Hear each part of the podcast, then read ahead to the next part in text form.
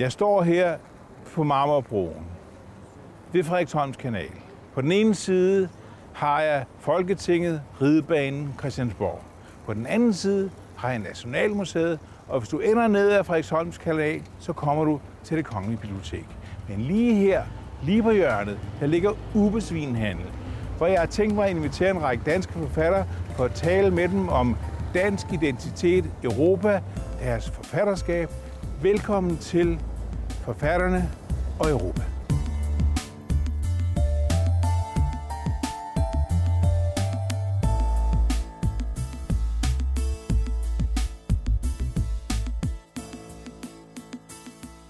Og nu er vi så kommet ind i Ubes Vinhandel, hvor jeg er blevet, om ikke omringet, så dog pludselig sidder der to mennesker, Mogens Løffetogt og Uffe Ellemann Jensen. Tak fordi I kunne komme. Vi snakker forfatterne i Europa. I har jo faktisk øh, forfatterskaber bag jer. Ikke at det er det, der er blevet jeres levevej, men det snakker vi om senere. Først vil jeg gerne spørge, jeg prøver at lade være i programmet og stille jer det samme spørgsmål, som I så skal svare på. Men det første bliver jeg nødt til at spørge jer begge to om, og jeg starter med dig, Mogens. 1972, EU, EU, EF-afstemning hedder det. Hvor var du? Øh, jeg var efter mange og lange og indviklede overvejelser faktisk imod. Og det har jeg, jeg vil gerne gøre en tilståelse på. Det var en fejl. Jeg er skiftet fuldstændig om. Og hvor var du rent øh, fysisk øh, og mentalt? Du var i gang med at arbejde på det tidspunkt? Jeg var nyuddannet økonom ansat i det, der nu kaldes AE-rådet, Arbejderbevægelsens Erhvervsråd, og jeg havde jo været med til allerede dengang en hel masse socialdemokratisk politik. Og så jeg var faktisk også sammen med Svend Auken og Rit Bjerregaard og Karl Hjortnes i, i det, der dengang var den socialdemokratiske nej-bevægelse. Og stemte du nej? Jeg stemte nej, ja. Uwe, nu kommer den store tilståelse. Det gjorde du også i virkeligheden. Nej, det gjorde jeg ikke. Det kan jeg love dig for, jeg ikke gjorde. Nej. Men, Uwe, hvor var du? Nå, 72? Ja, rent fysisk. Øh, jeg var ansat på TV-avisen ja. og TVA, aktualitetsafdelingen. Og det var faktisk mig, der lavede de der tre store høringsaftener op til folkeafstemningen om uh, EF, fællesmarkedet, ja, som vi kaldte det ja, dengang. Så hvad jeg selv mente, det skulle jeg jo prøve at holde hemmeligt, men det tror jeg ikke, der var mange, der var i tvivl om. Det havde jeg snakket om i overvis. Jeg har været indet europæer, siden jeg var ganske ung. Hvis ikke jeg tager meget fejl, I begge to kan politter. Mm? Ja. Du valgte så i virkeligheden måske allerede ret tidligt at gå journalistvejen. Jo, altså jeg lavede, mens jeg læste, øh, der var jeg i forsvaret. Jeg var reserveofficer, og jeg arbejdede nogle år i Forsvarets efterretningstjeneste hvilket er en ganske god forberedelse på at blive udenrigsminister senere. Men øh, så begyndte jeg som journalist, endnu mens jeg læste, og det var på Berlingske Aftenavis. Og da så jeg fik min embedseksamen, det var et par år før Mogens, han er jo en grønskåling der, mm-hmm. øh, der kom jeg så til øh, TV-avisen. Mås, dit forfatterskab starter faktisk ret tidligt, hvis ikke jeg tager meget fejl. Du lavede nogle politiske bøger allerede i slutningen af 60'erne. Øh, ja, ja. Magtspil og... Magtspil og sikkerhed ja. var en lille debatbog om NATO i anledning af 20-året, som vi var seks DSU og Frit Forumfolk, der skrev. Ja, ja. Vi var 68. Ja, undskyld. Uh, ja, og, og, og så lavede jeg noget om skat for det, der hedder Socialdemokratisk Samfund omkring 1970, og og jeg skrev også med på et par af de der bøger omkring EU. Den første hed øh, EF, spørgsmålstegn, og den anden hed Nej til EF. Du har senere skrevet flere bøger, blandt andet sammen med din kone Mette Holm, om, om, om, om Kina blandt andet, og det ene og det andet. Så, så, så det er med god grund, vi kan tillade os at kalde jer forfattere begge to. Og Uffe, du har jo øh, lavet, har en lang række bøger bag dig også startende med, med, med forskellige øh, ændringsbøger, men også nogle af, skal vi sige, mere let karakter, alt fra mennesker og fisk, du mødte. Hallo. Hallo. Det er absolut ikke let. Tværtimod, det var det at skrive om lystfiskeri øh, med en menneskeving. Det er ikke let. Men jeg begyndte at skrive øh, nogenlunde samtidig med Mogens. Ja. Og der udgav jeg en del bøger dengang, også om, øh, jeg kan huske, der var en, der hed Det afhængige samfund, jo. om Danmark, der var afhængigt af omverdenen. Og den handlede meget om, hvor vigtigt det var, at vi nu engagerede os i det europæiske. Så jeg tror, jeg er nået op på 17 bøger til dato. Din far var journalist. Mm. Øh, fortæl lige lidt om ham. og hvor, hvorfor det gik så galt for dig. Altså, at du jo, du, jeg gik ud fra, at du ikke havde regnet med, at du ligesom skulle gå hans vej. Han blev både... Han var både Nå, er det rigtigt? Jamen, det er jo... Jeg havde besluttet mig til, at politik, det ville jeg aldrig have noget med at gøre. For øh, min far var journalist, og han havde en sjov baggrund, for han havde absolut ingen uddannelse.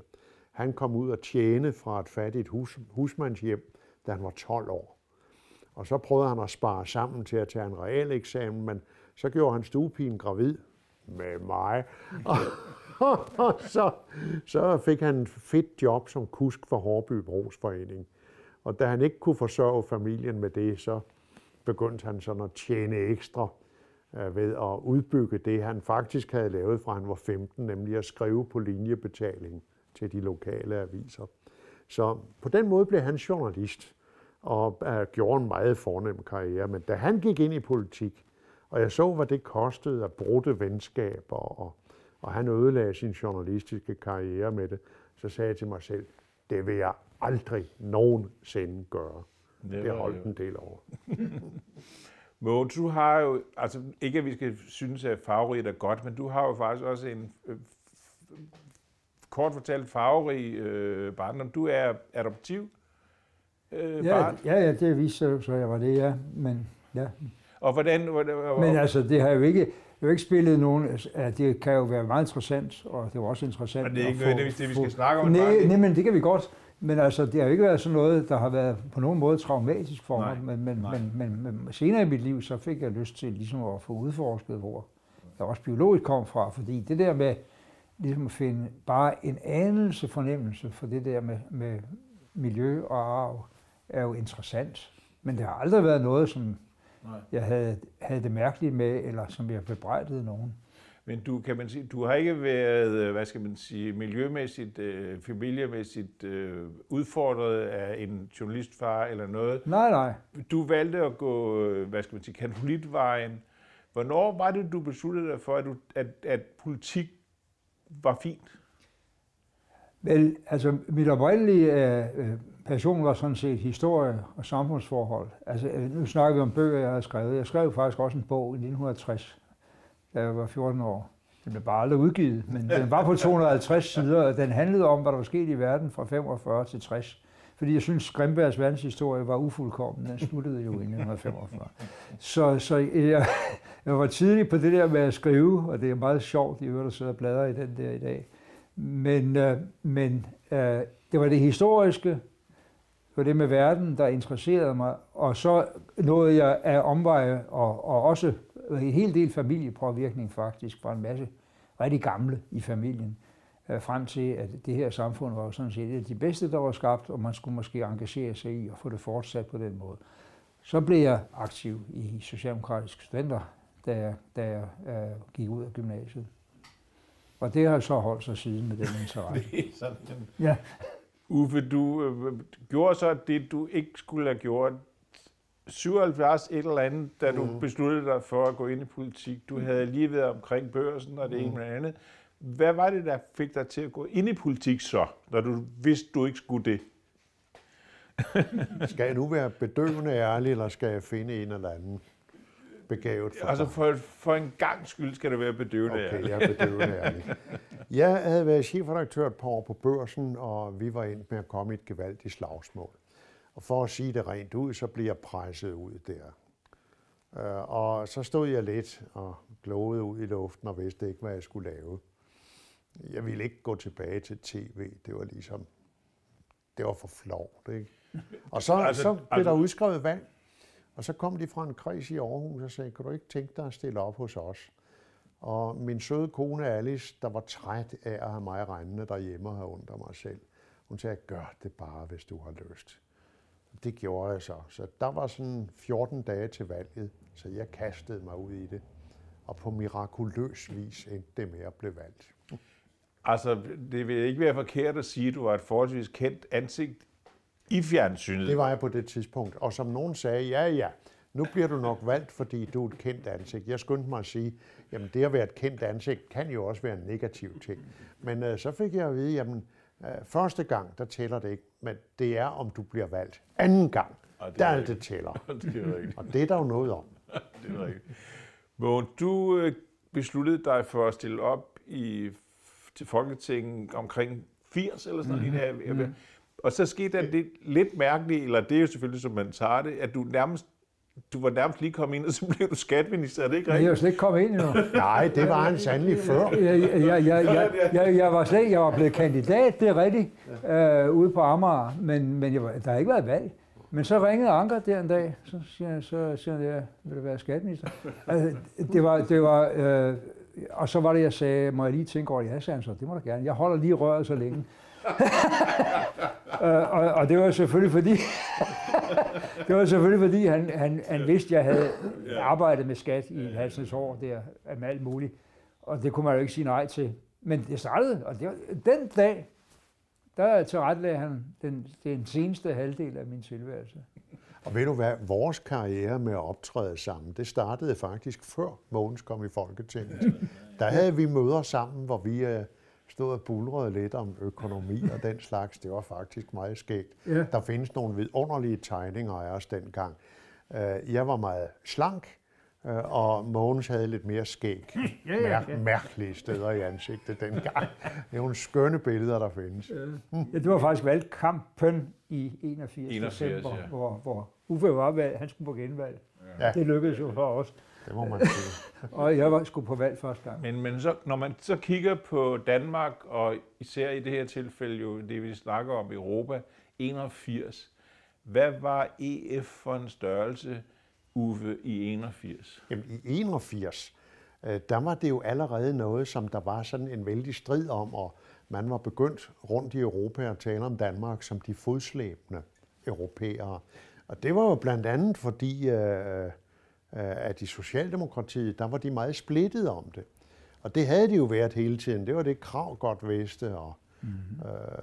øh, så det, det, det var egentlig ikke noget nyt. Der var den splittelse, hvor Venstre jo dengang var så absolut det mest øh, øh, EF-positive parti, hvilket var en af grundene til, at øh, Venstre for mig var det helt naturlige parti at gå til. For som jeg nævnte før, jeg var indet europæer, fra jeg var ganske ung. Øh, og, og det samme, Mogens, øh, hvordan- så Socialdemokratiet, øh, netop som Uffe siger, hvordan så I på EF på det tidspunkt, der da du var kommet ind? Jeg tror, der var øh, netop øh, de der, øh, øh, som havde været mest toneangivende i modstanden, ud fra en bekymring om, hvad politiske indhold nu var i det der overvejende konservativt, katolsk dominerede Europa. Kunne vi holde den danske velfærdsmodel og sådan noget. Der, var, der tror jeg både, man kan sige på, på, på Svend Augen og Rit og mig, vi var i gang med at, at se det anderledes. Altså det, det udviklede sig der i, i løbet af 80'erne helt klart til, øh, at vi synes, det var godt, at EU udviklede sig, eller EF som det hed dengang, udviklede sig til noget andet end bare at være et handelssamarbejde. At der kom minimumstandarder på miljø og arbejdsmiljø og sådan noget. Det var det, som man i dag øh, hører meget modstand imod. Det var faktisk noget af det, der var Mm. motivation for os, for at synes, det var et bedre projekt, end vi oprindeligt havde troet på. Og så kan man sige, så nåede vi frem til, til murens fald, og så, så var der sådan overhovedet ikke nogen tvivl, fordi nu var der ikke noget med, at kunne lave et andet Europa. Nu var der noget med, at det her var foreningen, man kunne melde sig ind i, og hvis man ikke meldte sig ind i den, så skulle man bare rette sig efter reglerne alligevel, ligesom Norge, ikke? Altså så, det var fuldstændig andet. Altså, ja, jeg har skiftet mening, men verden har sandelig også udviklet sig.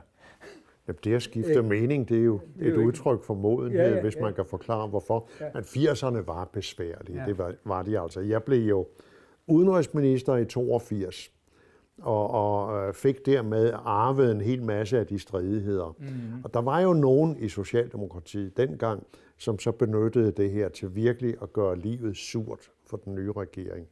Og hold da op, hvor har jeg brugt mange timer i markedsudvalget med at sidde og høre på bævl og øl og ballade. Så fik vi den der strid op til indre marked med det, man kaldte EF-pakken, mm. som det egentlig var lykkedes at få en meget fornuftig aftale om. Øh, blandt andet med fagbevægelsen, der var meget for det her, mm. og også med gode, positive kræfter i Socialdemokratiet, men så var der altså nogen der, der kuppede ledelsen. Øh, og, og det endte så med, at lige pludselig var der et flertal i Folketinget imod de her aftaler. Så udskrev vi jo en uh, vejledende folkeafstemning.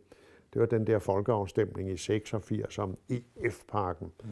og vandt den meget overbevisende. Og det tror jeg gav stødet til sådan en fornyelse i Socialdemokratiets holdning, hvor nu havde man taget de der opgør, og så var I altså nogen, der satte jer på dem, der havde lavet bøvl og ballade. Og vi andre, vi holdt jo vejret og passede på ikke at blande os i den proces. Og så kom der egentlig noget meget fornuftigt ud af det. Og det mange har glemt i dag, det var, at da så Maastricht-traktaten kom frem, der var den jo i høj grad blevet formet af noget, som Socialdemokratiet og hjemme og så regeringen var blevet enige om. Vi var blevet enige om en række af de ting, som Mogens nævnte før. Det havde vi fået indføjet i Maastricht-traktaten som en indrømmelse. Og jeg glemmer aldrig den nat i Maastricht øh, i øh, 91, hvor vi havde siddet og forhandlet den ganske nat. Og englænderne og fru Thatcher, øh, eller rettere hendes ånd, fordi hun var jo gået af på det tidspunkt. Det var stakkels John Major, der sad der. Ja. Det havde været så besværlige forhandlinger. Vi fik de ting igennem til sidst, og jeg ringede ved midnatstid hjem til Svend Augen og, og forklarede ham, det var på det tidspunkt, hvor han var partileder, sagde, at vi har fået de ting igen, og han var næsten grådkvalt mm. og sagde tillykke, og tænk, at det lykkedes, og nu skal vi sammen vinde den folkeafstemning, og det kom jo desværre til at gå anderledes. Sådan kan det jo gå, men, men, men, men lige inden kan man sige, I oplevede jo sammen med Mogens i første omgang øh, murens fald, mm. Kom jo til at betyde enormt meget, også for hele EU-projektet. Lad os bare kalde det EU nu. Ja. Øh, hvordan, Selvom det ikke hed det. Nej, men, ja. men, men ja, det der endte med at blive. Ja. Hvordan opfald, opfattede du, at den faldt? Var der en positiv stemning ja, hos jer? Ja, eller? ja, ja, ja. Ja, ja, det var der jo for, uh, tror jeg, stort set alle synes jo, det var utroligt bevægende, at, at det der skete. Og det var jo ikke kun, at muren faldt i Berlin. Det var selvfølgelig det helt store. Jerntæppet. Uh, uh, men det var jo også, uh, at så ugen efter, så skete det nede i, i Prag, at folk gik bare ud på gaden og raslede med nøglerne, så gik regeringen af.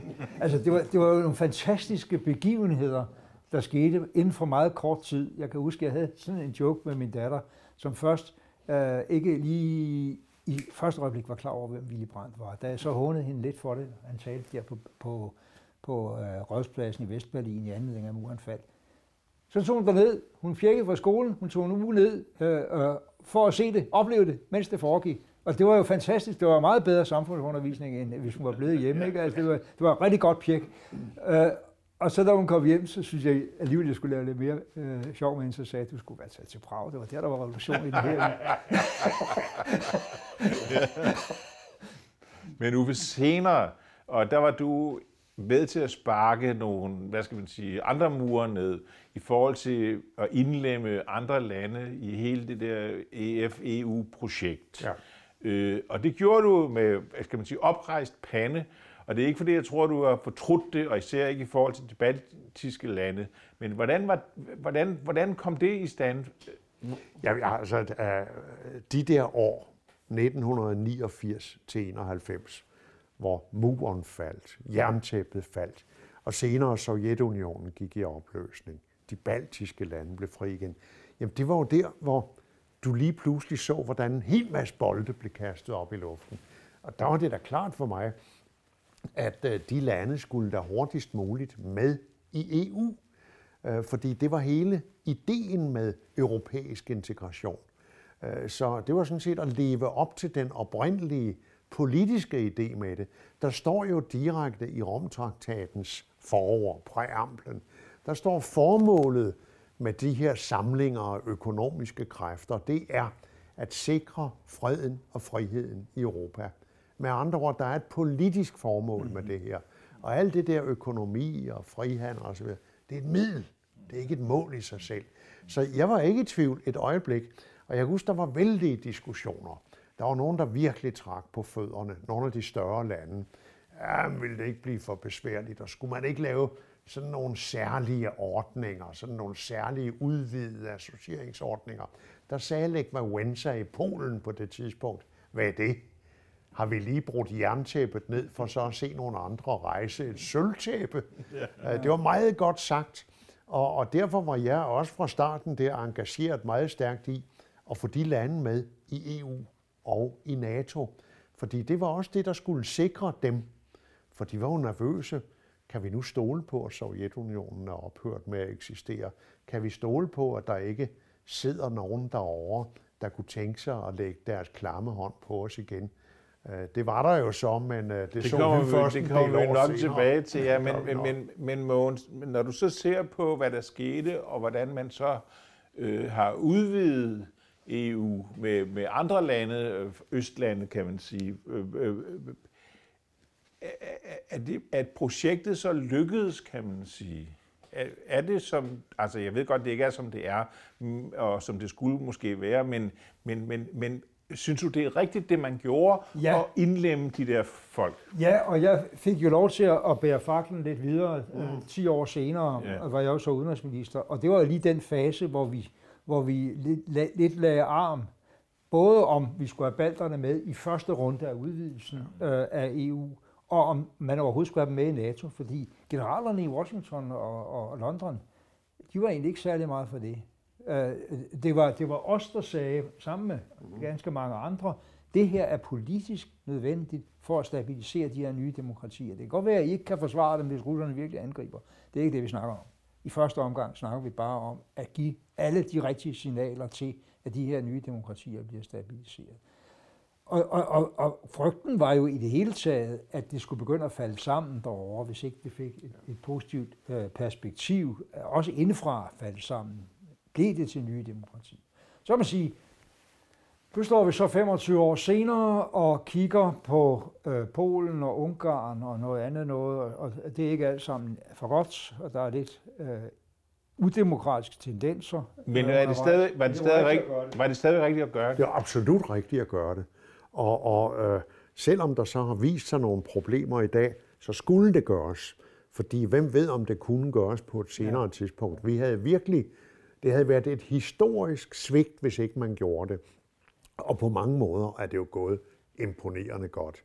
Altså da øh, vi havde den store finanskrise for en halv snes år siden, der var der jo et land, der glimrede ved at fortsætte at have noget vækst. Det var knæme. Polen. Polen, ja. Polen overtog pludselig rollen som et af lokomotiverne. de baltiske lande, de røg ned i et gigantisk hul. Men så fulgte de det gode råd, hvis du er nede i et hul, så stop med at grave. Ikke? Og de er kravlet op igen og har vækst igen. Det er imponerende at se, hvad de lande har formået. Så ja, men det vi forsømte dengang, og, og hvad der kan ærge mig lidt i dag, det er, at man forsømte nok at lave nogle instrumenter, der kunne bruges til, hvis nogen ikke levede op til reglerne. Mm. For de blev blandt andet øh, taget ind ved at skrive under på det, man kaldte Københavnskriterierne. Altså kriterier om, hvordan man lever op til det, vi kalder et liberalt demokrati, og det siger jeg ikke for at genere Mogens, for jeg lægger ikke noget politisk i det. Det er meget bredere end det, der måske, det måske lyder til. Men øh, man forsømte altså at lave nogle instrumenter til, når for eksempel en ungarsk Orbán kommer og, og prøver at lave om på retssystemet, og polakkerne aber efter. Han øh, knægter pressefriheden meget, meget groft. Der skulle vi have nogle instrumenter, så vi kunne gå ind og sige, hallo kammerat, hvis du ikke ændrer på det der, så har vi altså nogle straffeaktioner at sætte ind. Man har kun én, og det er det, man kalder atomvåbnet. Det er det at fratage dem øh, stemmeretten, og det gør man jo ikke. Men jeg kunne ønske mig, at man havde nogle for eksempel økonomiske instrumenter, der var lettere at anvende. Og det må man knæme se og opfinde i dag, for vi kan ikke have det her. De ødelægger hele ideen med europæisk samling, hvis de får lov til at fortsætte. Og så tænker man jo, Tyrkiet, øh, skal, skal de så med? Det var vi jo på vej til at mene, Ja. øh, og, og jeg tror, jeg tror endda, at vi, at vi begge to kan citeres for noget i retning af, at, at om, om, om 10 år, så det godt være, at Europa er mere interesseret i at få Tyrkiet med, end Tyrkiet er interesseret i at komme med. Men så må man jo sige, Erdogans drejning af Tyrkiet har jo gjort det illusorisk. Altså, der, de er jo ikke i nærheden af at opfylde nogle af de kriterier, som står i København. Desværre. Nej, desværre. Og så er der jo hele spørgsmålet om Brexit. Hvad sker der for England? Ja, Hvad sker der for ja, hvad sker der for en? Det ved de jo slet ikke selv. Nej, det ved de ikke. altså, det er jo virkelig en tragedie. Først og fremmest for britterne selv, men uh, som, som mænd også for os andre. Uh, jeg tror ikke på, at uh, fru May kan få den der aftale, der er lavet om i virkeligheden at sådan sætte uret i stå nogle år, ja. køre videre, mens man forhandler. Jeg tror ikke, hun kan få det igennem parlamentet. Det tror du simpelthen ikke? Nej, øh, fordi øh, så skal Så, der... tror du heller ikke det, Måns? Nej, altså alle de oplysninger, vi har, tyder på, at Ja, der okay. er et temmelig stort flertal imod. Ja, og hvad sker der så? Det kan godt være, at hun sådan får nogen overtalt til at stemme for, øh, af frygt for, at Corbyn kommer, men så står hun jo altså lidt, eller for nogen til at undlade at stemme, det er måske endnu mere sandsynligt, så står hun lidt afpillet tilbage. Og, og det her, det kan ikke undgå at komme til at koste britterne virkelig, virkelig meget. Også i politisk indflydelse. Og det, det pokkers ærgerligt, fordi øh, der er omkostninger for os alle sammen, og Danmark er der et af de lande, der står til at tabe mest på det, sammen med Holland og, og Irland. Så der er utrolige ulemper i det. Sådan, hvis jeg skal være rigtig optimistisk, så tror jeg på, når der er gået et antal år, hvis man lader være med at lave nogle alt for uigenkaldelige ting, så kan det være, at man giver britterne den demokratiske ret, som alle, der har deltaget i en folkeafstemning, bør have, nemlig at blive klogere, jævnfør det Mogens sagde før, man, man kan blive klogere og ændre mening. Jeg, jeg, jeg har, har jo mindet om, at svenskerne så sent som i 57, tror jeg, der var stemt imod at gå fra venstre trafik til højre trafik. Men, men 10 år senere, der var de flyttet over i, i, i den rigtige side af vejen. Er det rigtigt, det der man forsøgte først med lastbilerne? Det ved jeg ikke. Ja, ja, ja, ja. Det hjalp lidt på stemningen. Nej, men, men, men, men altså, øh, ja, man kan håbe, man kan håbe på, at, at der kommer en eller anden åbning. Ja. Øh, og, og det er klart, at vi kan ikke i dag begynde at fabulere over, hvad der så skal til, hvis de virkelig stemmer det ned, øh, for at give tid til, at, at det der kan ske. Men det er jo klart, øh, selvom alle siger, øh, ja, det er det her eller ingenting, samme øjeblik, at ulykken sker, så begynder alle jo at tænke over, øh, hvad kan vi så finde på? Men der er jo stadig flere, der siger, at vi anede jo ikke, hvad det var, vi stemte Ja, om. ja. Og, og øh, meningsmålingerne viser, at i dag vil der være et stort flertal for at blive. Øh, jeg så en, en, en, en interessant artikel, hvor der stod, at, at, at øh, efter valget blev der mere søgning på, hvad det var, de havde stemt om Ja. før, end før valget, fordi det er ting, hvad pokker er det, vi egentlig har... Man googlede Brexit, ja, ja, den blev simpelthen Brexit? googlet, ja, det er det. Ja. Men, men altså, jeg kan heller ikke komme væk fra det der med, at, at uden øh, Murdochs øh, løgnepresse Ja, ja, og uden Putins intervention på nettet, var den der Og Boris Johnson. Og Johnson, og Johnsons demagogi, altså der, der var så Ja. mange løgnehistorier i den folkeafstemningskampagne. Det er jo blandt andet noget af det, I skriver om, Ja. ja. eller fortæller om i jeres Du Store Verden, og det, det, det fører mig lidt frem til, at et er jo EU, men, men, men, men, men, men, men Du Store Verden, der er jo også noget med noget NATO, der er noget med noget FN, der er noget. Ser I øh, EU som en, hvad skal man sige, en lukket kreds, øh, eller, eller, eller, eller er det en del af det, synes I, det er en del af det større politiske, den større politiske virkelighed med FN? Jamen, EU er den platform, vi overhovedet kan have i en verden med så store spillere som dem, der er USA. Mærkelig politik nu, lidt farlig, ikke? Øh, Kina, der er vokset 30 gange siden øh, 78. Indien, der kommer op. Altså, hvis, hvis vi europæere, som bliver færre og færre, får færre og færre børn og ældre og ældre, hvis vi, hvis vi skal have noget at skulle have sagt i den nye verden, så bliver vi altså nødt til at stå sammen om det. Hvis du ser på hele verden, så sker der jo det desværre i de her år, at øh, de kræfter, som er modstandere af det liberale demokrati, som ønsker, at den stærke mand skal have et autoritært styre osv., fylder mere og mere. Demokratiet er klemt over det hele.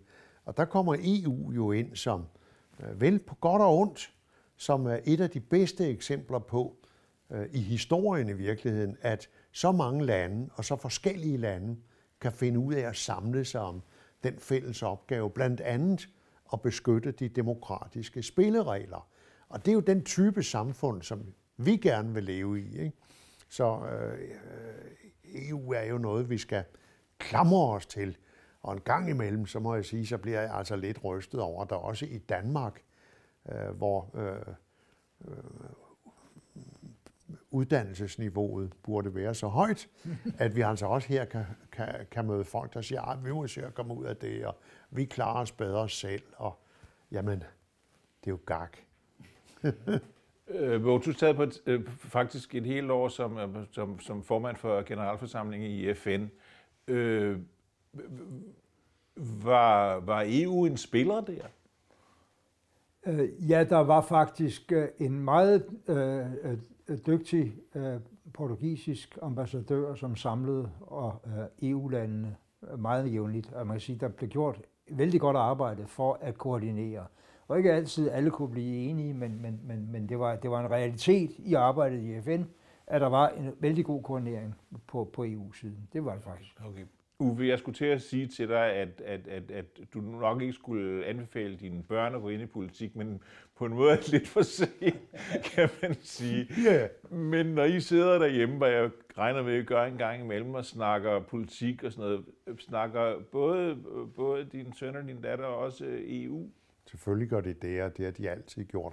Også før de gik ind i politik, fordi jeg har bestemt ikke forsøgt at presse dem til det. Tværtimod har jeg forsøgt at tale dem fra det. Og der kan jeg huske, da jeg sagde til min søn, øh, Jakob, der var den seneste, jeg sagde, er du klar over, hvad du påtager dig af byrder, hvad du lægger af byrder på din familie? Mm. Så så han iskoldt på mig og sagde, det der med, hvilke byrder familien bærer, det ved jeg bedre, end du ved. så tror du ikke, jeg mener det alvorligt? Og så var touché. Ja, det er, det, den, er, den er svær at komme igen på. Jo, så måtte jeg jo bøje mig. Jo, men vi har altid talt meget, og de har rejst i Europa, og, mm. og de har været på nogle af de der sprogrejser, mens de gik i skole. Og ja, øh, alle mine fire børn, de er meget internationalt orienteret. Og de to, der ikke er i politik, ja, den ene øh, bor i øh, Frankrig, øh, og har en stor stilling der i et dansk firma. Øh, den, den anden, jamen, hun øh, rejser ustandsligt til Afrika, til nogle af de mest modbydelige steder, og holder øje med nogle udviklingsprojekter, som hun er ansvarlig for. Så de er, mine børn, meget internationalt orienteret, men samtidig meget bevidst om, hvor værdifuldt det er at være danskere.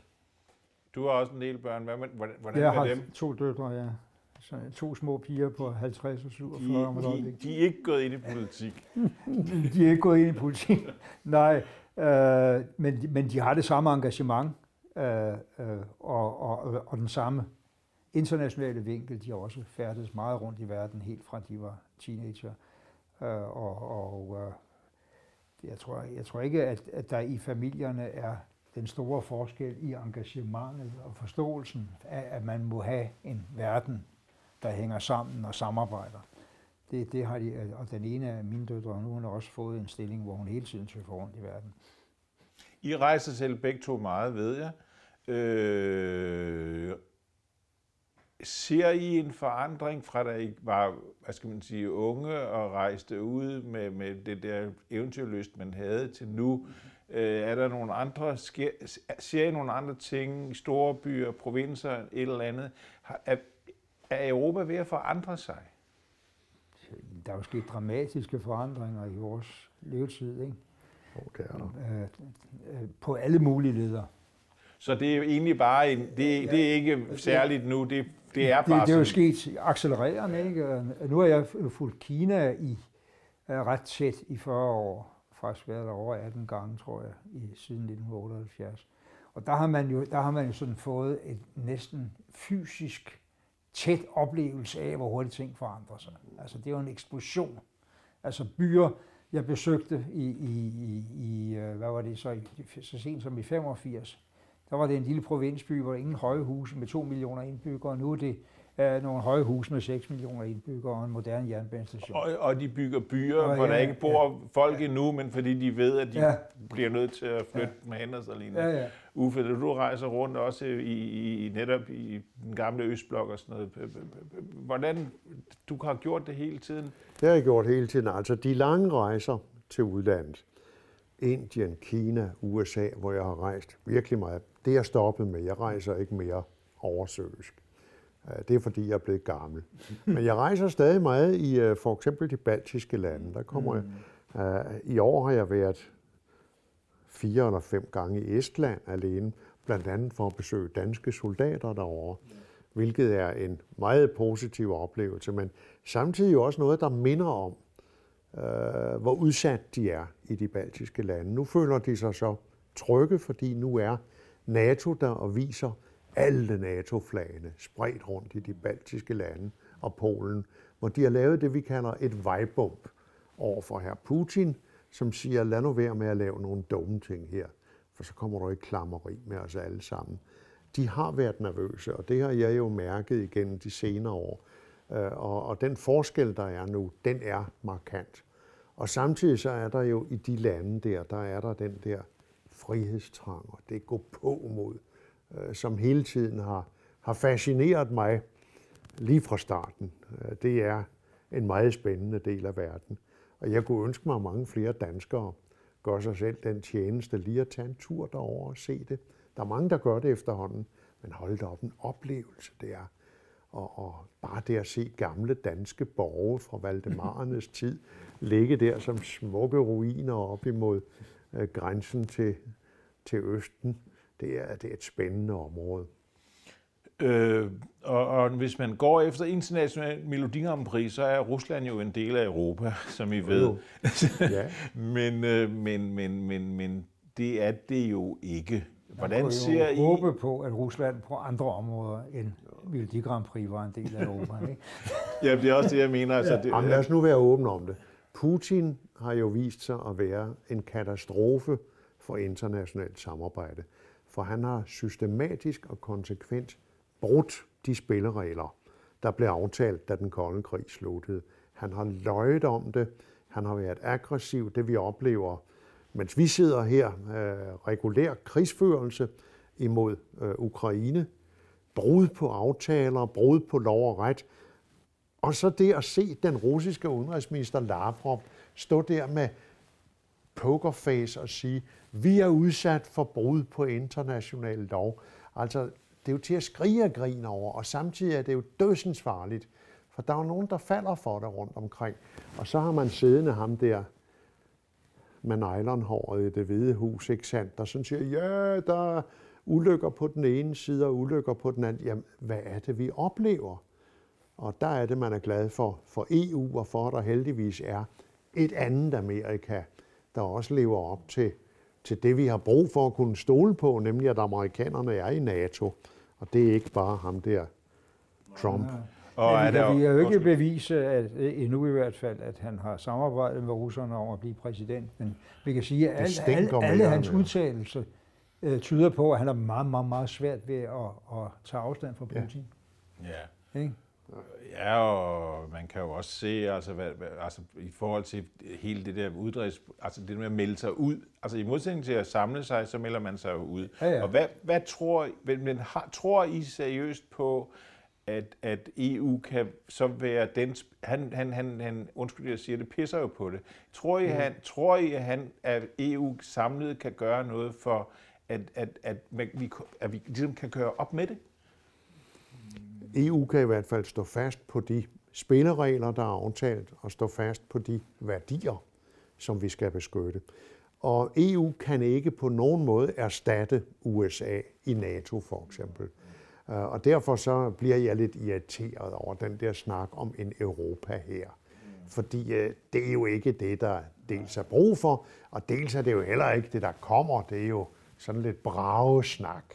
Men der er meget bragesnak i det europæiske desværre igennem årene, så har danskerne altid taget det højtidligt. Det som du kan høre, når du sådan kommer lidt længere sydpå, hvor de store ord flyver lettere, så sidder danskerne og siger, Nå, ja, det må de jo mene, når de siger det. Jamen altså, der, der, der er det en god ting en gang imellem, sådan lige at væbne sig lidt med skepsis. Men Europa kan ikke og, og vil reelt heller ikke forsøge på at træde i stedet for USA. Og derfor så mener jeg ikke, vi har andet at gøre end håbe på, at amerikanerne selv får gjort op med det, som Trump har vist sig at stå for. For det er ikke Amerika. Det er ikke det Amerika, jeg kender. Hvor man kan jo heldigvis se, at der er forskellige delstater, som jo for eksempel i forhold til for eksempel miljø, øh, ja, ja, ja. så siger, at det vi vil... Store byer og ja, ja, Kalifornien. Siger, vi, vi skal nok holde de ja, der ja. ting. Altså, det og der er flere job selv i Texas, oliestaten, ja. i vedvarende energi jo. end i olie. Altså, der er meget, der går den rigtige vej, til trods for Trump. Og så synes jeg også, at, at man kan godt opmuntre sig en lille smule mere, end det er sket hidtil over det der midtvejsvalg. Der var faktisk, det er ufatteligt så mange, der stemmer på Trump stadigvæk, men der var faktisk denne gang 9 millioner. 11. 11. Ja, det er så lidt forskellige ja. opgave. Men vi, vi, skal vi sige en, halv, en halvsnits okay, millioner? millioner. Ikke? Men Hillary vandt jo med 3 millioner. Det var bare for lidt på grund af valgsystemet. Ja, men, men nu er vi oppe på de her... Ja. Øh, jeg har bedt jer om at tage et par bøger med, øh, også for at, at udfordre og at love vores seere noget, man kan glæde sig over at læse. Mogens, hvad har du taget med? Jeg har taget denne her kæmpe bog af Per Nyholm, der hedder Europæerne. Den kom for nogle år siden, 2008 faktisk, men, men, men lige præcis i kølvandet på, øh, skal vi sige, den store Europa-eufori, den store udvidelse af, af EU osv., og, og det han gør, det er, at han, han rejser rundt. Han giver umiddelbart indtryk, folk han har snakket med, men han beskriver også historien, øh, som den nu har udfoldet sig i de mærkeligste hjørner af Europa. Det er faktisk meget fascinerende. Og, og, og han rejser rundt med en øh, fotograf, som tager fantastiske fotografer. Ja, ja, det er Carsten Ingemann, som er en ja, af vores præcis, allerbedste Fantastisk, fantastisk ja, fint på. Ja, og, og ja. hvad skal jeg sige, det, på en måde er det jo et andet slags værk, men, men da Enzensberger skrev sit store bog om Europa og sådan det er jo, ja. han laver de der tidsbilleder ja, af, ja. Af, af det der Europa, ja. der findes. Sådan det, det er meget fascinerende. Uffe, hvad har du taget med? Jamen, jeg har taget en, der på sin vis minder meget om Per Nyholms bog, som jeg også sætter stor pris på, uh, nemlig uh, Timothy Snyders Bloodlands, Europa imellem Hitler og Stalin, ja. hvor han fortæller den der uhyggelige historie om hele det der midterste del af Europa, som øh, lige under 2. verdenskrig, og faktisk også i årene derefter, har været kastebolde ja. om den uhyggelige historie, der finder sted der i lande, der nu ikke eksisterer. Egentlig ville jeg have taget hans nyeste bog med, men den har jeg kun på min uh, Kindle her. Så den, den er lidt svær at holde frem. Det er den, der hedder Vejen til ufrihed. Vejen det til ufrihed. Som er kommet på dansk uh, også. I uh, Rusland, Europa ja, ja. Og, og Amerika, hvor han virkelig tager fat, tager nogen ved vingebenet. Trump, Putin, øh, Orbán i Ungarn, han tager dem virkelig ved vingebenet. Og det har jo fået hjemlige nationalkonservative, der jo i uhyggelig grad fylder i dag i det danske debatmiljø. Ikke mindst i en stor, elgammel københavnsk avis, hvis navn jeg skal være for fin til at nævne. Og de er jo blevet splittosset over det her. For Schneider, han tager jo virkelig fat i nogle af deres Øh, indgroede opfattelser, og derfor er det en nydelse at læse den. Og man forstår meget mere om Europa, øh, når man læser, hvad professor Schneider har at fortælle om det. Er meget sjovt. Jeg har snydt at tage en gammel bog med, og jeg har taget den med som lydbog, fordi når jeg kører frem og tilbage på vejene, så har jeg taget Thomas Mann Buddenbrooks. Oh, ja. ja. ja. Fordi jeg synes, den på en måde fortæller historien om det gamle Europa. Ja. Handels-Europa. Mm. Hansestederne fra ja, helt gamle dage. Handelshuset. Hele det der med, hvordan vi jo dengang, øh, i, uden at have ligesom lavet, øh, øh, der var selvfølgelig aftaler det ene med andet, men vi var før, lang tid før en, en, en, en, en, en union, øh, og, og lige før en jo nogle verdenskrige, der gjorde, at vi måske fandt ud af, at vi skulle måske overveje ja. og snakke sammen. Du kunne jo også have taget Stefan Zweigs Verden er i går. Ja. De Welt von Gestern, ja. hvor han fortæller om det Europa, der var før verdenskrig, er nummer et. Og der er jo noget, synes jeg, tankevækkende i de her dage, hvor vi jo lige har øh, fejret 100-året for Første Verdenskrig sluttede. Efter den, så forsøgte man jo at lave sådan et internationalt samarbejde med et verdensforbund osv. Det blev ikke rigtigt til noget. Så skulle vi altså igen endnu en verdenskrig. Så fik vi det endelig med uh, EU og NATO og FN og alt det, der fulgte med FN-systemet. Og det var amerikanerne, der gik i spidsen for det. Det var det jo. Også for EU. Det var dem, der gik i spidsen ved at sige til europæerne, vil I have Marshallhjælp, så er I nødt til at finde sammen. Og hvem er det så i dag, der prøver at splitte det? Det er knæme en amerikansk præsident. Det er jo så ironisk, når du kigger på den historie. Det er jo meget det er tankevækkende, netop hvor åbent Europa var før 1914, ja. og, og hvordan der eksisterede. Det er jo også noget, der har været beskrevet øh, dels af Zweig, men, men jo også af vores egen øh, Uffe Østergaard i nyere tid. Ja. Det der gamle østrig-ungarske imperium, som havde, havde sikkert mange nagdele, men, men det var jo en multinational størrelse, som var spændende. Ja. Og hvor, hvor kejseren sagde, Uh, vi sender ikke nogen embedsmænd ud til de der forskellige uh, hjørner af sydslaver og nordslaver og tjekker og polakker og så videre, uh, som ikke kan lokalsproget. Altså, det, det var et meget, meget, det var, det var, det var i virkeligheden et, et eksperiment i noget multinationalt, som vi også kan lære noget af i dag. Vi bliver desværre nødt til at slutte nu. Det har været fantastisk har jeg med, det er jo, altså, I er, det ved I godt selv, KFR, men jeg så godt sige det alligevel. Det er ikke KFR-hoveder nu. Men, øh, men et sidste spørgsmål til jer begge to. Øh, det Europa, I ser nu, fra det Europa, I så i 72, er det, er det gået fremad?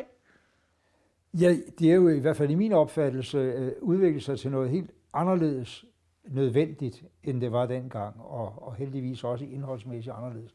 Og så tror jeg egentlig, at med alle de skavanker, der er, og der er jo Storbritannien på vej ud, og der er jo de der halvdiktaturer i Østeuropa nu, og der er spændinger nord og syd og så videre. Men Brexit, hvis ikke Brexit har anden god indflydelse, så er det, den har lært resten af europæerne, at der er ikke flere, der skal eksperimentere med det der. Jeg vil sige, at i det store og hele, så har Europa levet op til de ting, jeg håbede på. Det var faktisk det, jeg ville spørge dig om. Det, og, da du, og da du sad som udenrigsminister og tænkte fremad, ja. er det så gået nogenlunde, som du havde håbet på? Det vil jeg sige. Øh, så er der på det seneste, så har det vist sig på nogle områder, øh, der var jeg nok lidt for naiv i mine håb. Altså jeg troede på, at, at Rusland under Putin mm. Øh, ville fortsætte med at, at deltage positivt i et samarbejde i stedet for at blive spilfærderbere. Så øh, der øh, er min håb blevet lidt brudt, men øh, der er der noget tilbage stadigvæk, som jeg kan glæde mig over. Godt at høre. Uffe tak fordi du kom. Mogens Lygtoft, tak for det kom begge to. Og vi siger tak her fra forfatterne af Europa her på kanalen DK4. Se med anden gang.